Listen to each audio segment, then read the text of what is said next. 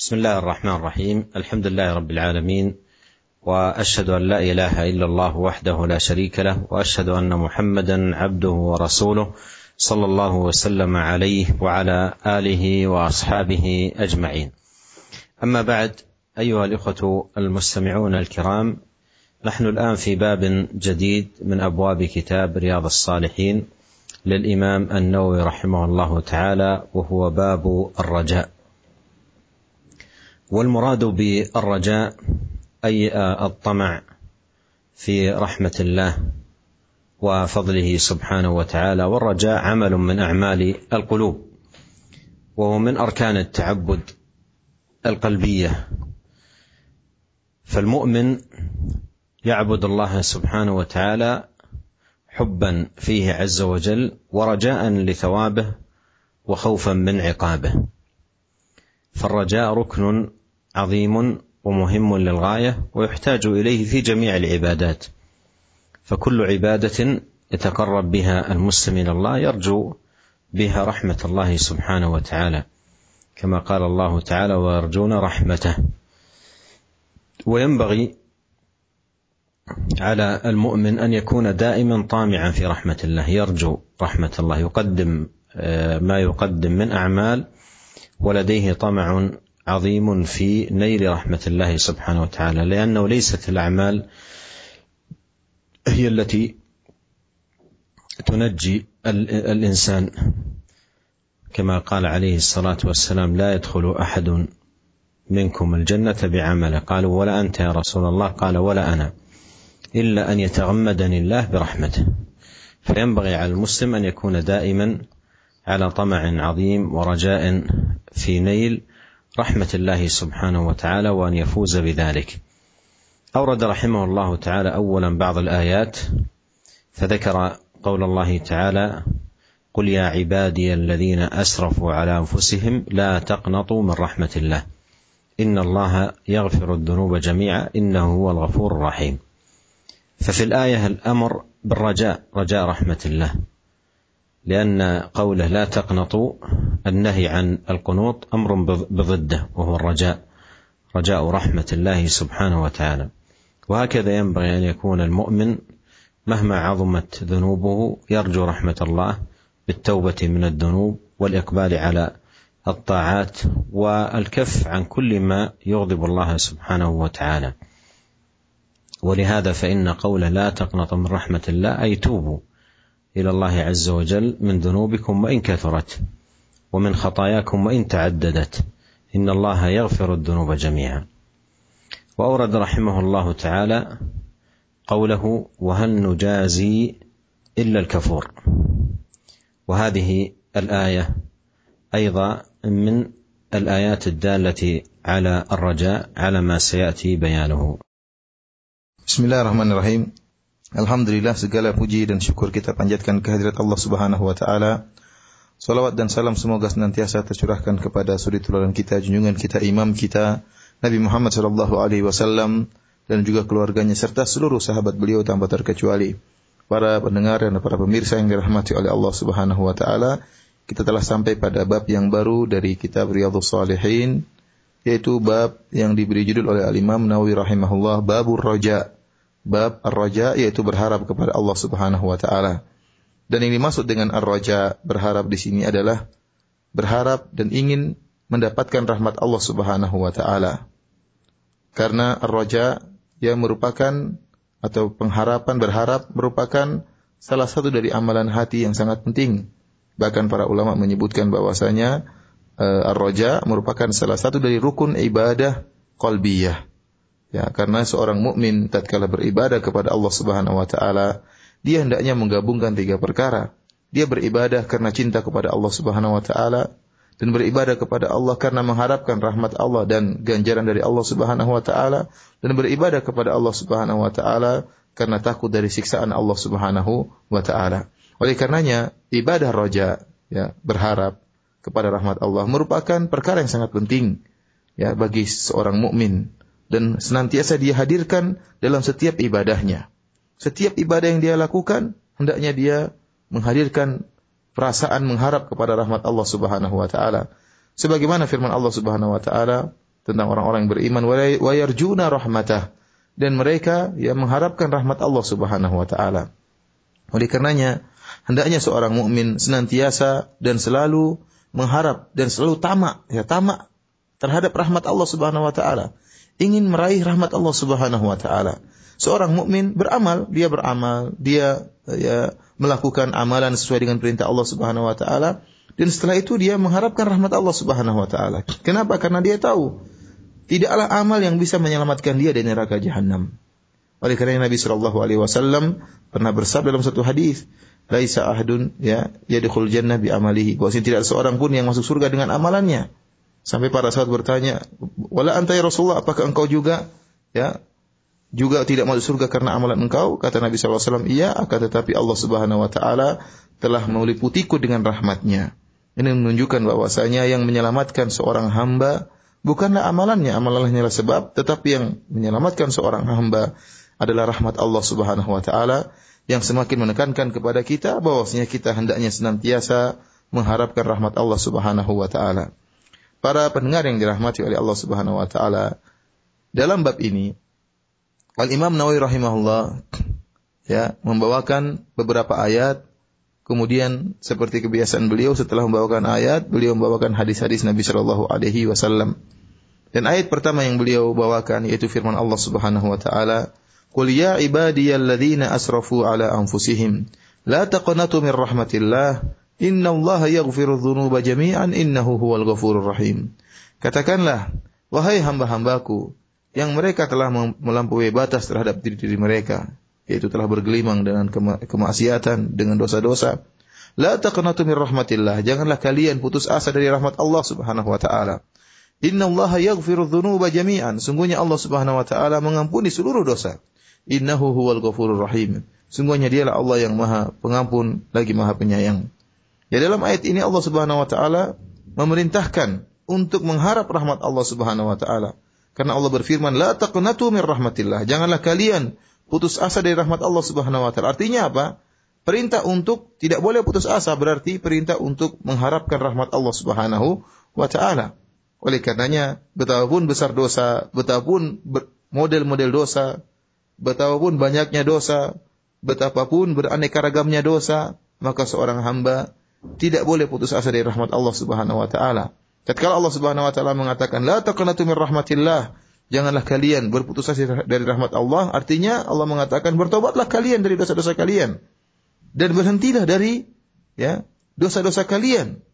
Bertobatlah kepada Allah, harapkan rahmat Allah dan berhentilah kalian dari dosa-dosa kalian. Ya. Tentunya Allah telah menjanjikan ampunan bagi hamba-hambanya yang bertobat kepada Allah Subhanahu wa taala.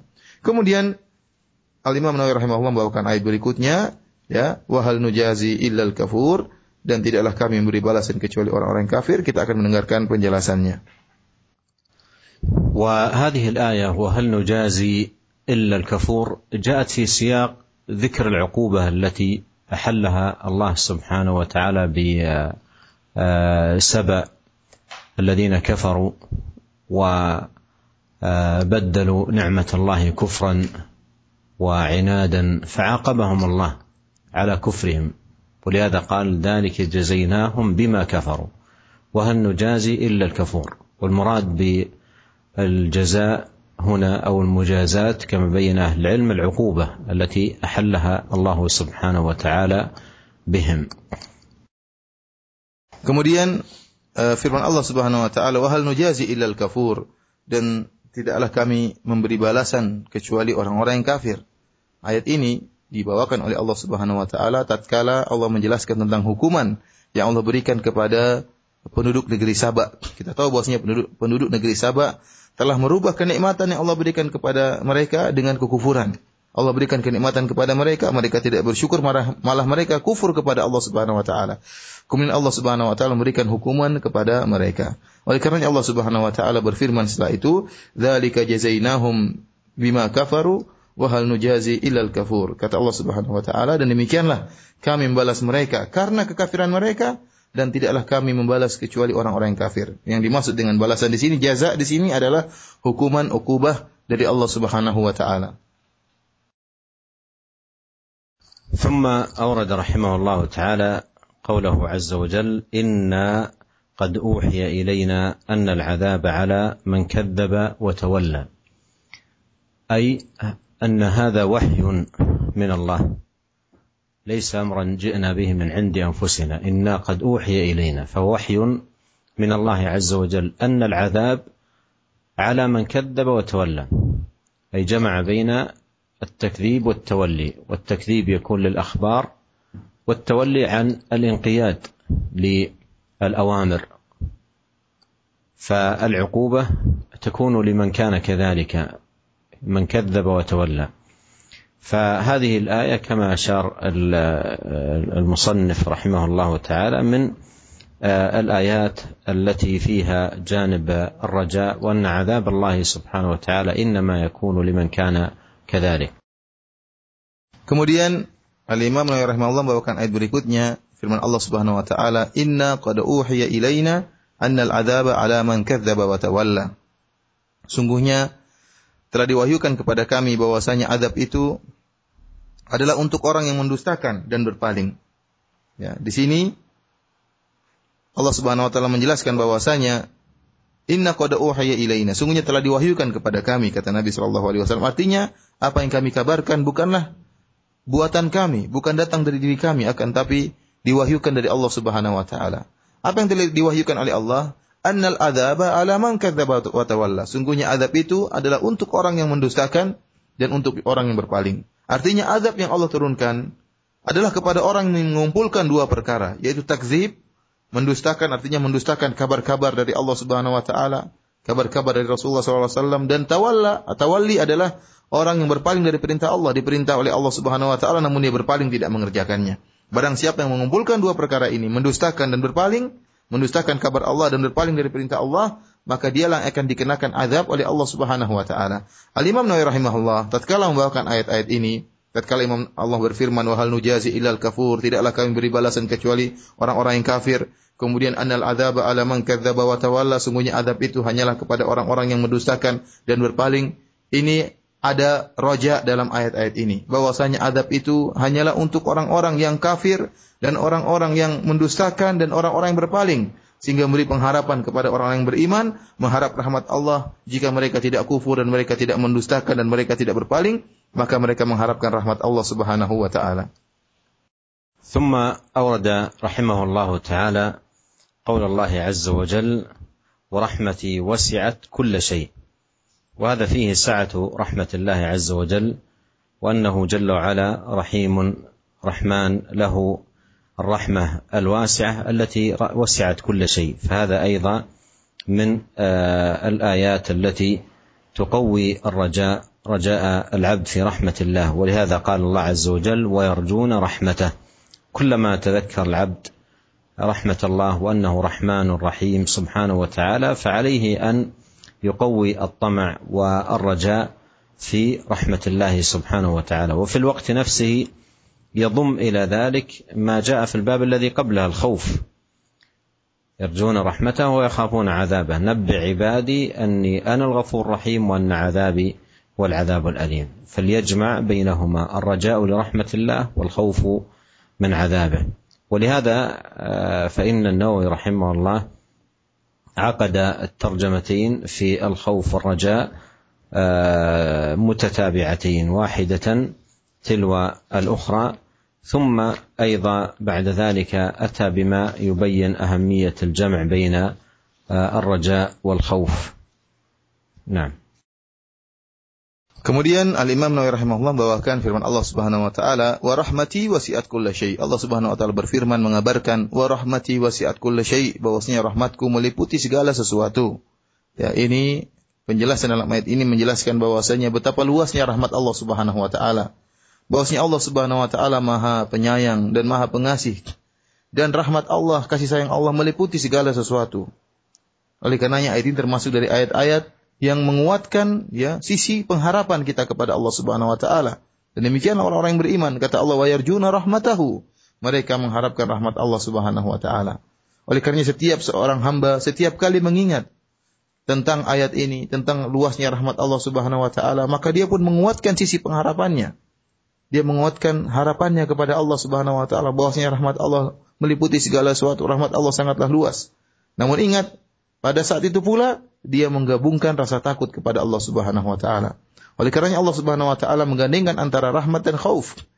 Raja dan khauf kata Allah Subhanahu wa taala wa yarjuna rahmatahu wa yakhafuna adzabah. Mereka mengharapkan rahmat Allah dan mereka takut kepada azab Allah Subhanahu wa taala. Allah Subhanahu wa taala juga berfirman, "Nabbi ibadi anni anal ghafurur rahim wa anna adzabi huwal adzabul alim." Kabarkanlah kepada hamba-hambaku bahwasanya aku adalah Maha Pengampun lagi Maha Penyayang. Akan tapi azabku adalah azab yang sangat pedih. Dan inilah yang dilakukan oleh Imam Nawawi rahimahullah ya pada bab-bab yang lalu Imam Nawawi telah membawakan tentang bab khauf dan sekarang Imam Nawawi juga membawakan bab roja, ya, rasa takut kepada Allah dan rasa berharap kepada Allah Subhanahu wa taala dan menggabungkan keduanya merupakan perkara yang penting dalam beribadah kepada Allah Subhanahu wa taala. ثم أورد رحمه الله تعالى حديث عبادة بن الصامت رضي الله عنه قال قال رسول الله صلى الله عليه وسلم من شهد أن لا إله إلا الله وحده لا شريك له وأن محمدا عبده ورسوله وأن عيسى عبد الله ورسوله وكلمته ألقاها إلى مريم وروح منه وأن الجنة حق وأن النار حق. أدخله الله الجنة على ما كان من العمل متفق عليه. وفي رواية رواية لمسلم من شهد أن لا إله إلا الله وأن محمدا رسول الله حرم الله عليه النار. هذا الحديث جمع اصولا خمسة عظيمة جمعها النبي عليه الصلاة والسلام وهي شهادة لا إله إلا الله وأن محمدا رسول الله صلى الله عليه وسلم وأن عيسى عبد الله ورسوله وكلمته ألقاها إلى مريم وروح منه وأن الجنة حق وأن النار حق. هذه أصول خمسة عظيمة جمعها النبي عليه الصلاة والسلام وأخبر في تمام الحديث أن من كان يشهد بذلك ويؤمن به فإن الله عز وجل يدخله الجنة على ما كان من العمل. يدخله الجنة على ما كان من العمل لأن الجنة لا يدخلها إلا نفس مؤمنة. وهذه أصول عظيمة في الإيمان نبه عليها وبينها النبي صلى الله عليه وسلم. وما من شك أن هذه الأصول العظيمة لها أثرها في صلاح العبد وزكائه واستقامة حاله فإذا تحققت منه الشهاده حصل بهذه الاصول حصل العمل على تفاوت بين آه، الناس فيه ولهذا قال ادخله الله الجنه على ما كان من العمل وفي الجنه يتفاوتون في درجاتها بحسب al-a'mal. Kemudian Al-Imam rahimahullah membawakan hadis yang pertama dari sahabat Ubadah bin Samit radhiyallahu taala anhu. Bahwasanya Rasulullah sallallahu alaihi wasallam bersabda, "Man syahida an la ilaha illallah wahdahu la syarikalah." Barang siapa yang bersaksi bahwasanya tidak ada sembahan yang berhak disembah kecuali Allah saja dan tidak ada syarikat baginya. Wa anna Muhammadan abduhu wa rasuluh dan bersaksi bahwasanya Muhammad adalah hamba Allah dan rasulnya. Wa anna Isa abdullahi wa rasuluh dan bersaksi bahwasanya Isa adalah hamba Allah dan rasulnya wa kalimatu alqaha ila Maryam wa ruhu minhu bahwasanya Isa adalah kalimat yang Allah ya lemparkan kepada Maryam dan merupakan ruh dari ruh-ruh yang Allah ciptakan ya. Wa annal jannata haqqun wa annan nar haqqun. Dan bersaksi bahwasanya surga adalah benar dan neraka adalah benar. Adakhalahu Allahul jannata ala ma kana minal amal. Maka Allah akan masukkan dia ke dalam surga sesuai dengan amal perbuatannya. Hadis ini muttafaqun alaih riwayat Bukhari dan Muslim. Kemudian dalam riwayat Muslim, Rasulullah SAW bersabda, "Man syahida alla ilaha illallah, barang siapa yang bersaksi tidak ada sembahan yang berhak disembah kecuali Allah, wa anna Muhammadan Rasulullah. Dan bahwasanya Muhammad adalah Rasulullah, haramallahu alaihi nar, Allah mengharamkan neraka baginya." Para pendengar yang dirahmati oleh Allah Subhanahu wa taala, hadis ini mengumpulkan tiga pondasi yang sangat penting. Ya, tiga perkara yang sangat penting yang Rasulullah SAW kumpulkan dalam satu konteks. Ya, yang pertama adalah persaksian Man syahida barang yang bersaksi tidak ada sembahan yang berhak disembah kecuali Allah dan bahwasanya Muhammad adalah utusan Allah. Kemudian bersaksi bahwasanya Isa juga adalah hamba Allah dan rasulnya.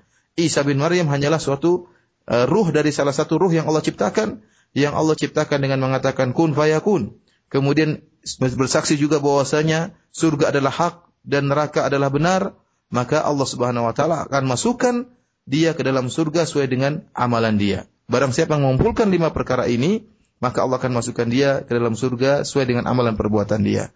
Para pendengar yang dirahmati oleh Allah Subhanahu wa taala, di akhir hadis ini Rasulullah SAW menjelaskan bahwasanya barang siapa yang bersaksi dengan lima perkara ini dan beriman dengan lima perkara ini, maka dia akan masuk surga. Tentunya orang-orang yang masuk surga hanyalah orang-orang yang beriman kepada Allah Subhanahu wa taala dan tidak diragukan lagi bahwasanya lima perkara ini ya, lima pokok perkara ini merupakan perkara yang sangat penting ia akan beri pengaruh kepada seorang hamba. Barang siapa yang bersaksi bahwasanya Muhammad lah Rasulullah, bersaksi la ilaha illallah, bersaksi bahwasanya Isa adalah utusan Allah, bersaksi bahwasanya surga adalah benar, nar adalah benar, ya tentunya akan membuat dia beramal. Dia pasti akan beramal dan dia akan melakukan amalan soleh dan tentunya tatkala dia beramal soleh maka akan bertingkat-tingkat amalan soleh orang-orang yang beriman. Ya, oleh karenanya Nabi SAW mengatakan, ada Allahul jannata ala makana minal amal. Allah akan masukkan ke dalam surga sesuai dengan amalannya dan di surga pun bertingkat-tingkat sesuai dengan amalan-amalan para hamba.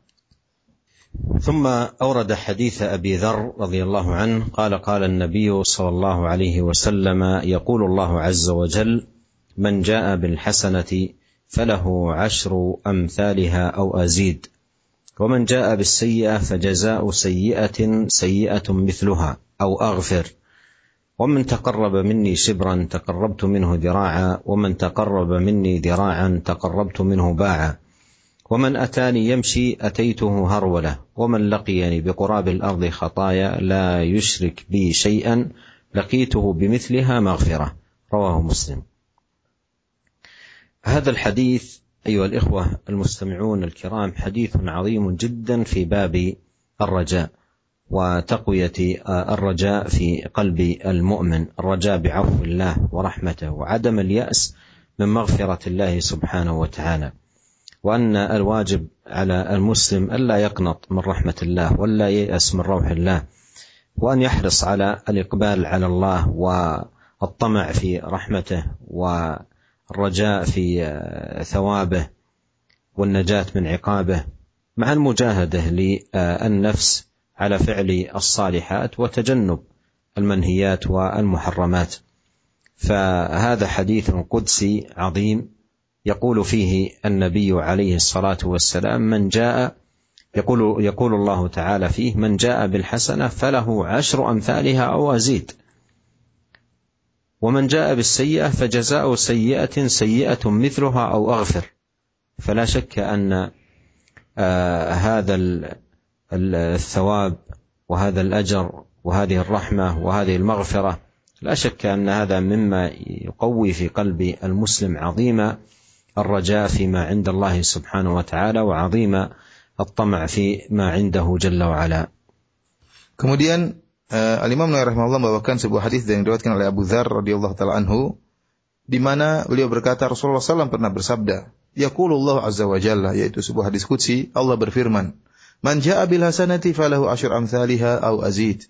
Kata Allah Subhanahu wa taala, barang siapa yang e, mendatangkan satu kebaikan, maka Allah akan balas dengan sepuluh kali lipat atau aku akan tambah kata Allah.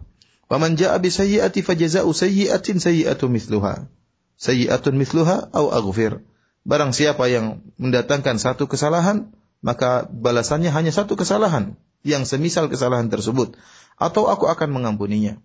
Wa man taqarraba minni shibran taqarrabtu minhu dhira'an. Barang siapa yang mendekatkan dirinya kepadaku dengan sej, uh, sejengkal, maka aku akan mendekatkan diriku kepadanya dengan sehasta. Wa man taqarraba minni dhira'an taqarrabtu minhu ba'an. Barang siapa yang mendekatkan dirinya dengan sehasta, maka aku akan mendekatkan dirinya mendekatkan diriku kepadanya dengan sedepa. Wa man atani yamshi ataitu harwalah. Barang siapa yang datang kepadaku berjalan, maka aku akan mendatanginya dengan berlari-lari kecil. Wa man laqiyani bi qurabil ardi khati'ah la yusyrik bi syai'a laqituhu bimithliha maghfirah. Barang siapa yang mendatangiku dengan membawa dosa sebesar bumi namun dia tidak berbuat syirik kepadaku sama sekali, maka aku akan mendatanginya dengan ampunan yang semisalnya. Para pendengar yang dirahmati oleh Allah Subhanahu wa taala, ya hadis ini tatkala seorang muslim mendengar hadis seperti ini tentu akan menguatkan sisi rojaknya harapannya kepada Allah Subhanahu wa taala. Ya. Dan wajib bagi seorang muslim untuk tidak putus asa dari rahmat Allah Subhanahu wa taala, akan tapi memiliki sifat tamak, ya sifat berharap berharap kepada rahmat Allah Subhanahu wa taala. Oleh karenanya dia harus semangat untuk meraih rahmat Allah Subhanahu wa taala dan menjauhkan dirinya dari hal-hal yang diharamkan oleh Allah Subhanahu wa taala. Jika seorang muslim dalam hatinya sudah ada perasaan tamak ya, ya, ingin rakus terhadap rahmat Allah Subhanahu wa taala, tentunya ya, harus disertai dengan bermujahadah. Disertai dengan bersungguh-sungguh dalam mengerjakan amalan soleh dan menjauhkan diri dari perbuatan-perbuatan yang dilarang oleh Allah Subhanahu wa taala. Bagaimana seorang muslim tidak ya mengharap rahmat Allah Subhanahu wa taala. Sementara Allah Subhanahu wa taala mengatakan man jaa bil hasanati falu asyram salihah. Barang siapa yang mendatangkan satu kebaikan, aku akan balas dengan sepuluh kali lipat atau aku akan tambah. Waman jaa bis sayyiati dan barang siapa yang mendatangkan satu keburukan, balasnya cuma satu keburukan atau Allah akan ampuni. Barang siapa yang mendengar hadis ini tentunya tidak diragukan lagi akan tumbuh dalam hatinya rasa roja pengharapan kepada Allah Subhanahu wa taala mendengar ampunan Allah Subhanahu wa taala akan tumbuh dalam dirinya rasa berharap terhadap ampunan Allah Subhanahu wa taala dan ini merupakan hadis yang menguatkan sisi pengharapan dalam hati seorang muslim. ثم أورد رحمه الله حديث جابر رضي الله عنه قال جاء أعرابي إلى النبي صلى الله عليه وسلم فقال يا رسول الله ما الموجبتان؟ فقال من مات لا يشرك بالله شيئا دخل الجنة ومن مات يشرك به شيئا دخل النار رواه مسلم. وقول هذا الأعرابي سائلا النبي صلى الله عليه وسلم ما الموجبتان؟ أي ما الخصلتان؟ اللتان توجبان دخول الجنة والنجاة من النار. وهذا السؤال عظيم جدا في طلب النجاة والفوز بدخول الجنة والنجاة من النار. فبين عليه الصلاة والسلام أن الموجبتان السلامة من من الشرك. قال من مات لا يشرك بالله شيئا دخل الجنة ومن مات يشرك به شيئا دخل النار. مراده بالموجبتان أي الموجبة لدخول الجنة والموجبة لدخول النار. مراده الموجبة لدخول الجنة والموجبة لدخول النار. فبين عليه الصلاة والسلام أن الذي يوجب دخول الجنة السلامة من الشرك لا يشرك بالله شيئا وأن الموجب لدخول النار الوقوع في الشرك. ما تشرك بالله شيئا دخل النار فيكون من أهلها. ومن مات لا يشرك بالله شيئا دخل الجنة. قد يصيبه قبل ذلك ما يصيب بسبب معاصيه لكنه إذا مات على غير الشرك بالله دخل الجنة. فهذا فيه فضل التوحيد والسلامة من الشرك. وانه موجب لدخول الجنه وفيه خطوره الشرك بالله سبحانه وتعالى وانه موجب دخول النار Kemudian hadis berikutnya dari sahabat Jabir bin Abdullah radhiyallahu anhu, beliau mengatakan, "Ja'a Arabiyyun ila Nabi sallallahu alaihi wasallam." Ada seorang Arab Badui datang menemui Nabi sallallahu alaihi wasallam kemudian berkata, "Ya Rasulullah, mal mujibatan?" Wahai Rasulullah, apa sih dua perkara yang mengharuskan? maka Rasulullah SAW mengatakan, "Man mata la yusyrik billahi syai'an dakhala jannah." Barang siapa yang meninggal tidak berbuat syirik sama sekali kepada Allah maka dia akan masuk surga. Wa man mata yusyriku bihi syai'an dakhala nar. Barang siapa yang meninggal dalam keadaan berbuat syirik kepada Allah Subhanahu wa taala maka dia akan masuk neraka jahanam. Hadis ini hadis diriwayatkan oleh Imam Muslim dalam sahihnya. Para pendengar yang dirahmati oleh Allah Subhanahu wa taala, perkataan orang Arab Badu ini, mal mujibatan, apa sih dua perkara yang mengharuskan? Ini merupakan perka, per, per, pertanyaan yang sangat yang sangat sangat penting. Pertanyaan sangat penting, yaitu apa sih dua perkara yang mengharuskan? Dan ini merupakan Eh, pertanyaan dari seorang Arab Badui yang mengharapkan keselamatan dari neraka jahanam dan ingin mendapatkan surga di sisi Allah Subhanahu wa taala.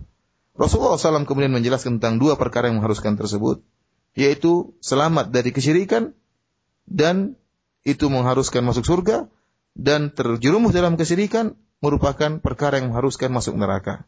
Oleh karena yang dimaksud dengan al-mujibatan dua perkara yang mengharuskan yaitu perkara yang mengharuskan masuk surga dan perkara yang mengharuskan masuk neraka. Adapun perkara yang mengharuskan masuk surga yaitu sabda Nabi sallallahu alaihi wasallam, "Man mata la yusyriku billahi syai'an dakhala jannah." Barang siapa yang meninggal dalam keadaan tidak berbuat syirik kepada Allah sama sekali mengharuskan dia untuk masuk surga.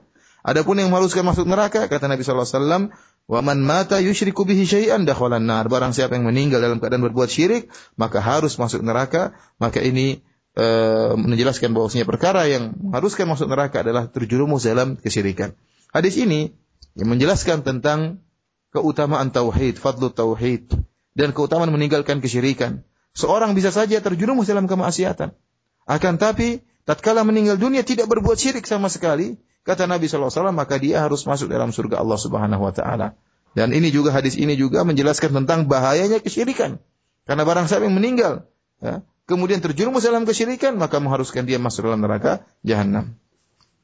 ثم أورد رحمه الله حديث أنس بن مالك رضي الله عنه أن النبي صلى الله عليه وسلم ومعاذ رديفه على الرحل قال يا معاذ قال لبيك يا رسول الله وسعديك. قال يا معاذ قال لبيك يا رسول الله وسعديك. قال يا معاذ قال لبيك يا رسول الله وسعديك. قال ما من عبد يشهد أن لا إله إلا الله وأن محمدا عبده ورسوله صدقا من قلبه إلا حرمه الله على النار. قال يا رسول الله فلا أخبر بها الناس فيستبشروا. قال اذا يتكل فأخبر بها معاذ عند موته تأثما متفق عليه. وقوله تأثما أي خوفا من الإثم في كتم هذا العلم.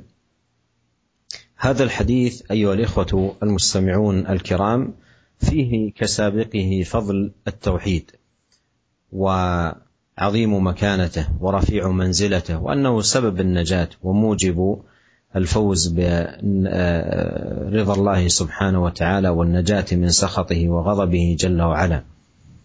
والنبي عليه الصلاة والسلام بين لمعاذ رضي الله عنه في هذا الحديث أنه ما من عبد يشهد أن لا إله إلا الله وأن محمدا عبده ورسوله صدقا من قلبه إلا حرمه الله على النار.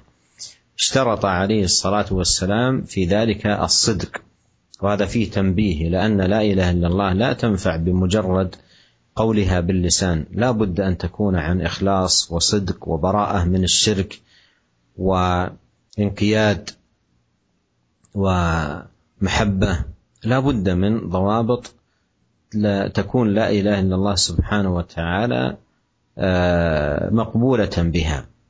وهي شروط لا إله إلا الله. والصدق هو أحدها بينه النبي الكريم صلوات الله وسلامه عليه في هذا الحديث العظيم. والحديث فيه فضيلة كبرى وعظمى جدا لمن وفقه الله لتحقيق الشهادتين اخلاصا للمعبود ومتابعة للرسول. أن أن النار عليه حرام. أن النار عليه حرام. إذا وفقه الله لتحقيق الشهادتين شهادة لا إله إلا الله بالإخلاص للمعبود وشهاده ان محمدا رسول الله بالمتابعه للرسول الكريم صلوات الله وسلامه وبركاته عليه. Kemudian uh, Imam Nawawi rahimahullah membawakan hadis berikutnya dari Anas bin Malik radhiyallahu anhu dari Nabi sallallahu alaihi wasallam bahwasanya Nabi sallallahu alaihi wasallam bersama Muadz di atas suatu uh, tunggangan hewan dan Muadz digonceng oleh Nabi sallallahu alaihi wasallam. Kemudian Nabi SAW memanggil Mu'ad, wahai Mu'ad. Maka Mu'ad mengatakan, labbaik ya Rasulullah sa'adaik. Aku penuhi panggilanmu, wahai Rasulullah. Kemudian Rasulullah SAW mengulangi lagi panggilannya, wahai Mu'ad. Maka Mu'ad menjawab lagi, aku penuhi panggilanmu, wahai Rasulullah. Kemudian Rasulullah SAW memanggil Mu'ad yang ketiga kalinya, wahai Mu'ad. Maka jawabannya sama, labbaik ya Rasulullah sa'adaik. Aku penuhi panggilanmu, wahai Rasulullah. Kemudian setelah itu Rasulullah SAW berkata, Ma min abdin yashhadu an la ilaha illallah. Tidak seorang pun hamba yang bersaksi bahwasanya tidak ada sembahan yang berhak disembah kecuali Allah dan bersaksi bahwasanya Muhammad adalah hamba Allah dan rasulnya. Sidqan dengan penuh kejujuran ketulusan min qalbihi benar-benar tulus dari hatinya illa harramallahu ala, ala nar. Kecuali Allah akan mengharamkan dirinya dari neraka jahanam maka Muaz berkata wahai Rasulullah apakah tidak sebaiknya aku kabarkan kepada orang-orang agar mereka bergembira dengan kabar ini. Kata Nabi sallallahu alaihi wasallam, "Idzan yattakilu." Kalau engkau kabarkan kepada mereka, mereka akan bersandar. Maka Muaz radhiyallahu taala anhu pun mengabarkan tentang hadis ini tatkala beliau akan meninggal dunia ta'assuman karena beliau tidak ingin berdosa karena menyembunyikan ilmu. Para pendengar yang dirahmati oleh Allah Subhanahu wa taala, dalam hadis ini menjelaskan tentang ya keutamaan tauhid sebagaimana hadis yang lalu. Bahwasanya tauhid memiliki keutamaan yang besar dan bahwasanya tauhid merupakan sebab keselamatan dari neraka jahanam dan tauhid merupakan sebab yang mengharuskan datangnya pertolongan Allah Subhanahu wa taala, kemenangan untuk meraih surga Allah Subhanahu wa taala dan keselamatan dari murka Allah Subhanahu wa taala. Nabi sallallahu alaihi wasallam menjelaskan kepada Muad radhiyallahu anhu tentang keutamaan tauhid di mana Nabi mengatakan barang siapa tidak seorang pun hamba yang bersaksi bahwasanya tidak ada sembahan yang berhak disembah kecuali Allah dan bahwasanya Muhammad adalah utusan Allah dan Rasulnya. Namun Rasulullah SAW memberikan persyaratan sidqan min qalbihi yaitu dia mengucapkan syahadatain akan tapi sidqan min qalbihi yaitu benar-benar tulus jujur dari hatinya. Di sini ada tanbih ada peringatan bahwasanya kalimat la ilaha illallah tidak bermanfaat hanya sekedar diucapkan dengan lisan. Ya tidak bermanfaat setiap orang mengucapkan la ilaha illallah kemudian otomatis masuk surga. Tidak. Otomatis selamat dari neraka jahanam. Tidak. Kalau hanya dengan mengucapkan selamat betapa mudahnya. Akan tetapi yang dimaksud adalah mengucapkan bersaksi la ilaha illallah Muhammad Rasulullah asyhadu an la ilaha illallah asyhadu anna Muhammad Rasulullah akan tapi dengan persyaratan yaitu tulus dari hati. Kemudian juga berlepas diri dari kesyirikan, kemudian tunduk, kemudian cinta kepada Allah Subhanahu wa taala, dia harus memenuhi persyaratan pengucapan la ilaha illallah. Dan tulus dari hati atau jujur ini merupakan salah satu dari persyaratan ya diucapkannya la ilaha illallah agar mendatangkan keutamaan yang besar agar agar menyebabkan masuk dalam surga Allah Subhanahu wa taala. Oleh karena di dalam hadis ini dijelaskan tentang keutamaan yang sangat besar yang sangat mulia. Bagi orang yang diberi taufik oleh Allah Subhanahu wa taala untuk bisa mewujudkan syahadatain. Ya untuk bisa mewujudkan la ilaha illallah dan Muhammad dan abduhu wa rasuluh. Yaitu barang siapa yang bisa mewujudkan syahadat la ilaha illallah itu dengan ikhlas beribadah hanya kepada Allah Subhanahu wa taala dan juga bisa mewujudkan syahadat anna Muhammad Rasulullah yaitu dengan ittiba mengikuti sunnah Nabi sallallahu alaihi wasallam maka sungguh dia akan mendapatkan keutamaan yang sangat mulia yaitu Allah akan mengharapkan mengharamkan neraka baginya. ثم أورد الإمام النووي رحمه الله حديث أبي هريرة أو أبي سعيد الخدري شك الراوي ولا يضر الشك في عين الصحابي لأنهم كلهم عدول. قال لما كان غزوة تبوك أصاب الناس مجاعة فقالوا يا رسول الله لو أذنت لنا فننحر نوا فننحر نواضحنا. فأكلنا وادهنا فقال رسول الله صلى الله عليه وسلم افعلوا. فجاء عمر رضي الله عنه فقال يا رسول الله إن فعلت قل الظهر. ولكن ادعهم بفضل أزوادهم ثم ادعوا الله لهم عليها بالبركة لعل الله أن يجعل في ذلك البركة. فقال رسول الله صلى الله عليه وسلم نعم. فدعا بنطع فبسطه ثم دعا بفضل أزوادهم فجعل الرجل يجيء بكف ذرة ويجيء الآخر بكف تمر ويجيء الآخر بكسرة حتى اجتمع على النطع من ذلك على النطع من ذلك شيء يسير. فدعا رسول الله صلى الله عليه وسلم بالبركة ثم قال خذوا في أوعيتكم. فأخذوا في أوعيتهم حتى ما تركوا في العسكر وعاء إلا ملأوه وأكلوا حتى شبعوا وفضل فضلة. فقال رسول الله صلى الله عليه وسلم أشهد أن لا إله إلا الله وأني رسول الله. لا يلقى الله بهما عبد غير شاك فيحجب عن الجنة. هذا الحديث أيها الإخوة الكرام فيه فضل التوحيد وكلمة التوحيد والشهادة لنبينا عليه الصلاة والسلام بالرسالة عن صدق وإخلاص وانقياد واتباع وأن من كان كذلك فاز هذا هذا الفوز العظيم لا يحجب عن الجنة بل يدخلها. قال أشهد أن لا إله إلا الله وأني رسول الله لا يلقى الله بهما عبد غير شاك. فيحجب عن الجنة. اشترط هنا اليقين. حديث السابق اشترط الصدق. وهذا كله يدلنا أيها الإخوة الكرام أن لا إله إلا الله لا تقبل إلا بشروط. شروط لا تقبل إلا بها. فالحديث الأول قال صدقا من قلبه وهنا قال غير شاك أي على يقين. فهذه آه، كلها تندرج في ما يتعلق بباب الرجاء وأن أعظم ما يكون به الإنسان من أهل الرجاء ومن آه، لهم الطمع في آه، نيل رجاء الله سبحانه وتعالى أن يكون من أهل التوحيد. وبهذه المناسبة ونحن نتحدث عن الرجاء رجاء رحمة الله آه، أذكر إخواني جميعا بأن ننتبه لهذا الأمر وأن نتيقظ له تماما وأن نحذر من الشرك بكل صوره لأن الشرك والعياذ بالله يقطع سبيل الطمع في نيل رحمة الله لأن الله سبحانه وتعالى آه، توعد المشرك بألا يغفر له. إن الله لا يغفر أن يشرك به فلا مطمع له في رحمة الله ولا سبيل له إذا مات على شركه.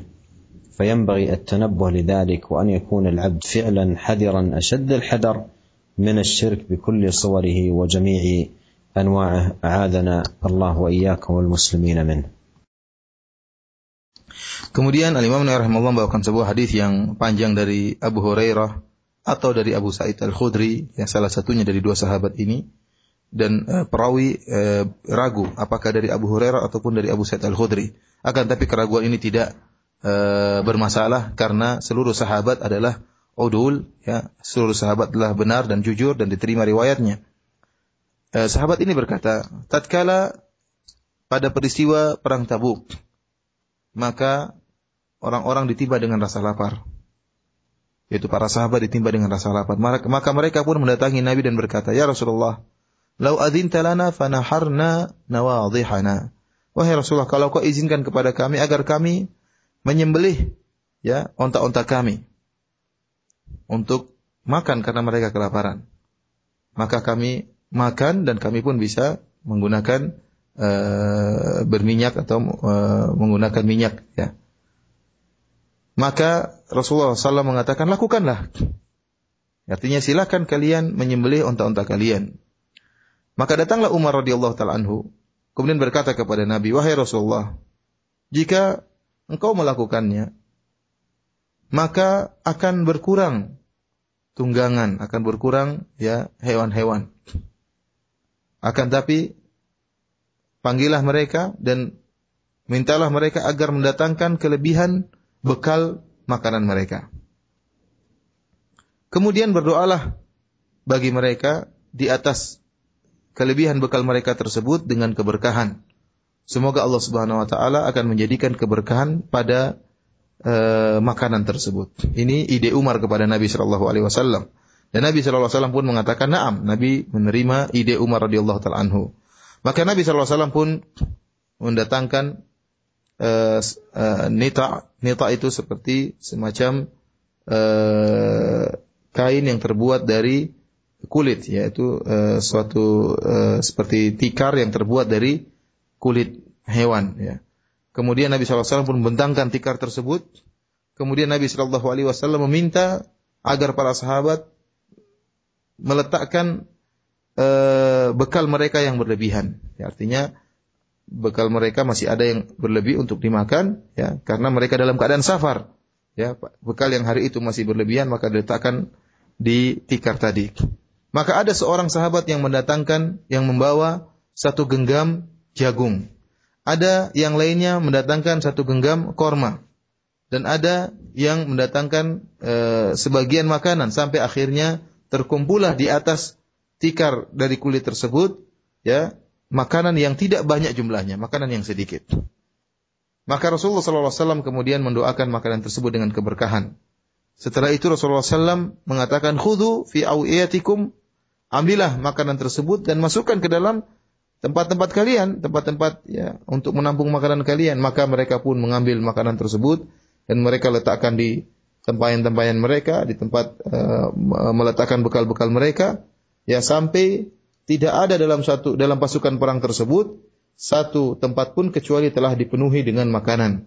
Dan mereka pun makan sampai mereka pun kenyang dan masih ada sisa makanan. Setelah itu Rasulullah SAW pun bersabda, Asyhadu an la ilaha illallah. Aku bersaksi bahwasanya tidak ada sembahan yang berhak disembah kecuali Allah. Wa anni Rasulullah dan aku bersaksi bahwasanya aku adalah Rasulullah. La yalqallahu bihima abdun. Tidaklah seorang pun yang bertemu dengan Allah dengan membawa dua persaksian ini. Asyhadu an la ilaha illallah dan anni Rasulullah. Ghairu syakin fayuhjaba anil jannah. Batang bertemu Allah dengan bawa syahadatain ini namun dalam keadaan tidak ragu, lantas ia pun dihalangi dari surga. Tidak mungkin kata Nabi sallallahu alaihi wasallam. Para pendengar yang dirahmati oleh Allah Subhanahu wa taala, dalam hadis ini penjelasan tentang keutamaan tauhid. Ya. Bahwasanya barang siapa yang menyempurnakan tauhid, syahadah la ilaha illallah dan juga syahadah Rasulullah bersaksi bahwasanya Muhammad adalah Rasulullah sallallahu alaihi wasallam. Ya dengan tentunya dengan memenuhi persyaratan la ilaha illallah dengan jujur, dengan mengikuti sunnah Nabi, dengan keyakinan maka dia akan meraih ya keberuntungan yang sangat besar dia akan dimasukkan dalam surga. Tidak mungkin dihalangi dari masuk surga. Dalam hadis ini Nabi Shallallahu Alaihi Wasallam persyaratkan goiro syakin kata Nabi Shallallahu Alaihi Wasallam dia bersaksi dengan syahadatain akan tapi tidak boleh ragu. Tidak boleh ragu. Ya. kalau hadis yang lalu Rasulullah SAW mensyaratkan sidqan min qalbihi dia harus tulus jujur dari hatinya. Adapun dalam hadis ini kata Nabi Shallallahu Alaihi Wasallam goiro syakin tidak boleh ragu. Oleh karenanya ini semakin perkuat bahwasanya la ilaha illallah tidak mungkin bermanfaat hanya sekedar diucapkan, akan tapi di sana ada persyaratan yang harus dipenuhi. Di antaranya adalah uh, jujur, tulus dari hati dan kemudian juga di antaranya adalah tidak boleh ragu yaitu yakin tatkala mengucapkan la ilaha illallah dan Muhammad Rasulullah. Para pendengar yang dirahmati oleh Allah Subhanahu wa taala, hadis ini dibawakan oleh Imam Nawawi rahimahullah dalam bab roja, bab mengharap rahmat Allah Subhanahu wa taala. Imam Nawawi ingin menjelaskan kepada kita bahwasanya di antara perkara yang sangat memperkuat rojak kita, harapan kita kepada rahmat Allah Subhanahu wa taala yaitu jika kita termasuk dari ahli tauhid. Jika kita memiliki tauhid, maka kita akan memiliki harapan yang sangat besar kepada Allah Subhanahu wa taala. Oleh karenanya saya mengingatkan dalam pengajian kita kali ini, hendaknya kita semua sadar dan benar-benar sadar bahwasanya betapa besar keutamaan tauhid, betapa mulia menjadi pengikut tauhid dan juga benar-benar sadar akan bahayanya kesyirikan. Hendaknya kita menjauhkan diri kita dari kesyirikan dengan segala modelnya, dengan segala jenisnya. Ya, bahkan Allah Subhanahu wa taala telah mengancam orang yang meninggal dalam keadaan syirik bahwasanya Allah tidak akan mengampuni dosa-dosanya. Innallaha la yaghfiru ay yushraka bih wa yaghfiru ma duna dzalika liman yasha. Sungguhnya Allah Subhanahu wa taala tidak akan mengampuni dosa kesyirikan dan Allah akan mengampuni dosa-dosa selain kesyirikan. Oleh karenanya orang yang meninggal dalam keadaan syirik, maka tidak mungkin ada harapan baginya untuk meraih rahmat Allah Subhanahu wa taala.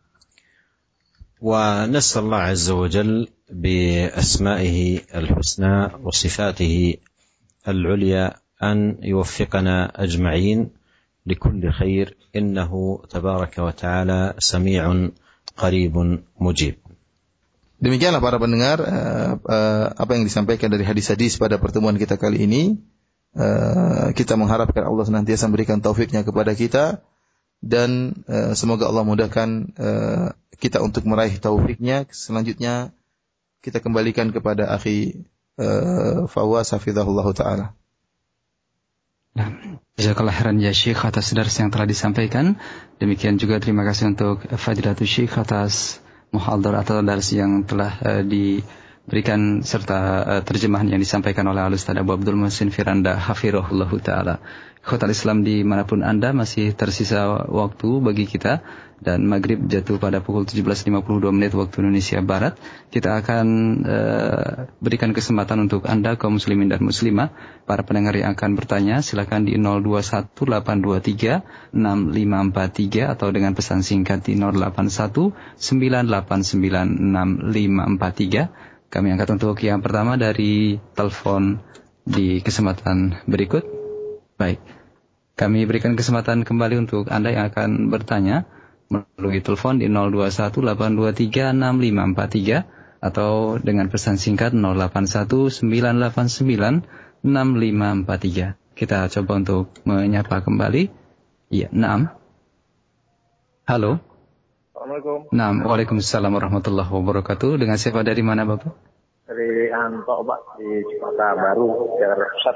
Iya, silakan Pak Anto. Mohon maaf dikecilkan volume radionya terlebih dahulu, Bapak. Silakan, Pak. Iya, Nam, silakan, Pak. Halo.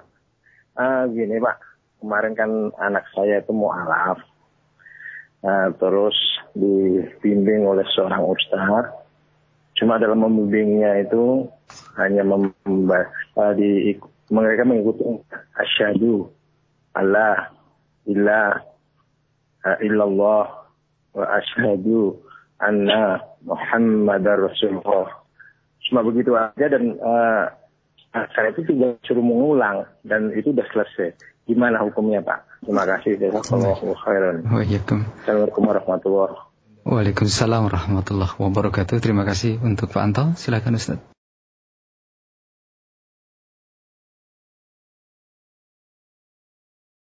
الدخول في الإسلام لا بد أن يكون بالنطق بالشهادتين مع العلم بمعنى الشهادتين وما تدلان عليه من توحيد لله ومتابعة لرسول الله صلى الله عليه وسلم. ولعل من علم ابنك الإسلام وضح له ذلك ثم دعاه إلى النطق بالشهادتين فكان بذلك دخوله في الإسلام. وعلى كل حال لا بد من العناية بتعلم أحكام الشرع والتفقه في دين الله بمعرفة ضروريات الدين وواجباته ومعرفة أيضا المحرمات. ويتدرج ابنكم بنصيحة منكم وتوجيه للتفقه والتعلم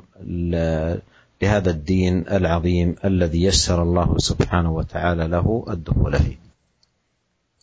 Uh, Syekh menjelaskan bahwasanya uh, masuk Islam yaitu harus dengan mengucapkan syahadatain asyhadu alla ilaha illallah wa asyhadu anna muhammadar rasulullah tentunya dengan ilmu tentang pengetahuan apa makna dari syahadatain tersebut ya tentang tauhid yang ditunjukkan oleh syahadatain tersebut ya dan kata Syekh bisa jadi uh, ustadz yang membimbing anak bapak masuk Islam, mungkin dia sudah menjelaskan terlebih dahulu tentang Islam, tentang tauhid, tentang uh, Rasulullah SAW, sehingga tatkala dia ingin uh, membimbing anak bapak masuk Islam hanya tinggal di, dituntun saja asyhadu alla ilaha illallah asyhadu anna muhammadar rasulullah tanpa ada penjelasan selanjutnya karena sudah dijelaskan sebelumnya dan ini sudah jelas bahwasanya menyebabkan uh, uh, anak bapak masuk Islam.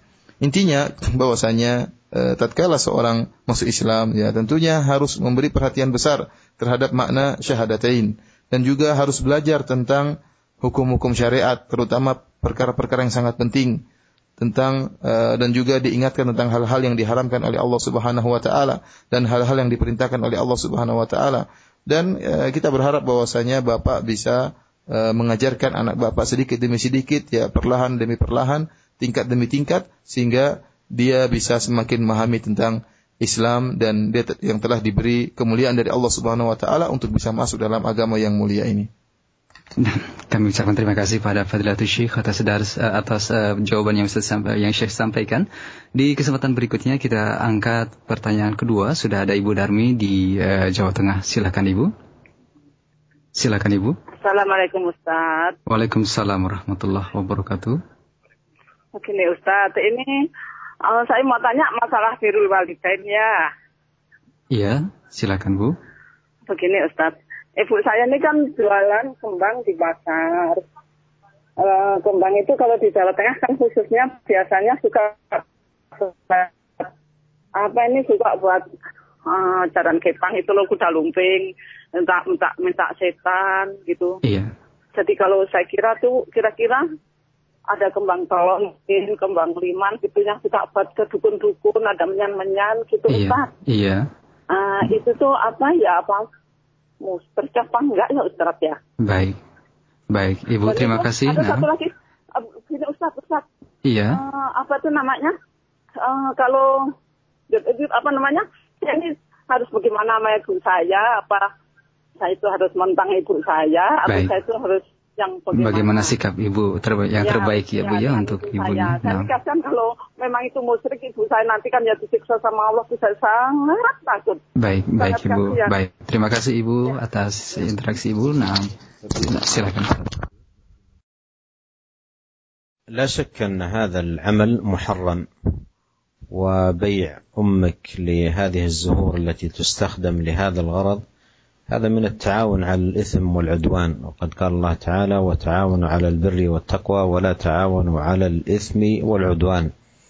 ويجب عليك أن تكوني ناصحة لأمك محذرة لها لأن هذا العمل من الأعمال التي آه، توقع في الإثم وتكون بذلك عرضة للعقوبة لأنها بذلك متعاونة على هذا الإثم العظيم والمنكر الشنيع ولتبين لأمك خطورة السحر وخطورة أهله وخطورة التعاون معهم ولو كان في آه، آه، بيع بعض الأشياء التي يستخدمونها لهذا الغرض. Syekh menjelaskan bahwasanya tidak dilakukan lagi perbuatan hal ini merupakan perbuatan yang haram ya e, menjual bunga untuk e, digunakan untuk memanggil setan misalnya untuk melakukan amalan sihir misalnya dan ini merupakan bentuk bekerja sama ya dalam hal yang diharamkan oleh Allah Subhanahu wa taala. Allah Subhanahu wa taala berfirman, "Wala ta'awanu 'alal itsmi wal 'udwan" dan janganlah kalian saling tolong menolong dalam dosa dan permusuhan. Oleh karenanya uh, sikap uh, ukhti yang bertanya hendaknya berusaha menasihati ibunya dan mengingatkan ibunya akan bahaya hal ini, akan bahaya syirik, bahaya sihir, bahaya syaitan ya.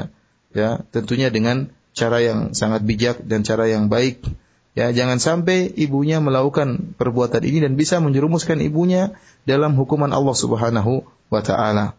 Jelaskan tentang bahayanya sihir kepada ibunya, tentang bahaya pelaku sihir dan bahaya bekerja sama dengan mereka meskipun hanya sekedar ikut nimbrung dalam uh, menjual bunga yang digunakan untuk acara-acara tersebut. Ini merupakan perbuatan yang haram dan harus dijauhi. Terima kasih atas jawaban yang Syekh sampaikan. Kita angkat dari telepon ketiga sudah ada Ibu Nur Aini di Sulawesi Barat. Silakan Ibu. Assalamualaikum Ustaz. Waalaikumsalam warahmatullahi wabarakatuh. Mohon maaf dikecilkan volume TV-nya Ibu. Ada feedback? Silakan Bu. Volume TV-nya. Silakan. Ya, yang saya ingin tanyakan eh, bagaimana seharusnya sikap saya terhadap adik saya yang sudah berapa tahun eh, pindah agama. Iya. Iya artinya eh, saya sebagai saudaranya, kakaknya, saya harus menyikapi dia bagaimana agar eh, hatinya itu bisa kembali bisa kembali memeluk Islam, ke dalam kembali ke dalam Islam. Nah, iya. baik Ibu terima kasih atas uh, pertanyaan Ibu. Ha. لا تملكين إلا النصيحة. نصيحة لأخيك أو أختك. والنصيحة لا تكون إلا بعلم. فإن كان عندك علم تنصحينها به فعليك بالنصيحة وبيان خطورة ما وقعوا فيه لأن الردة من أعظم موجبات سخط الله سبحانه وتعالى وحلول العقوبة والخلود يوم القيامة في نار جهنم عياذا بالله من ذلك. و الواجب عليك أن تعملي على النصيحة إن كان لديك قدرة علمية على ذلك أو آه، تكلمين من عنده علم أن ينصحهما أو أن يهديهما من الكتب ما تكون به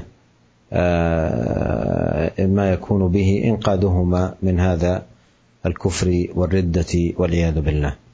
Nah, Syekh menjelaskan bahwasanya e, ibu tidak bisa melakukan apa-apa kecuali memberikan nasihat kepada kepada saudari ibu atau saudara ibu ya agar dia kembali sadar ya akan tapi Syekh mengingatkan bahwasanya nasihat tidak mungkin disampaikan kecuali dibangun di atas ilmu ya oleh karenanya ilmu, ibu tatkala memberikan nasihat harus memiliki ilmu jelaskan tentang bahaya kesyirikan bahaya berbuat murtad ya riddah ya keluar dari agama itu berbahaya.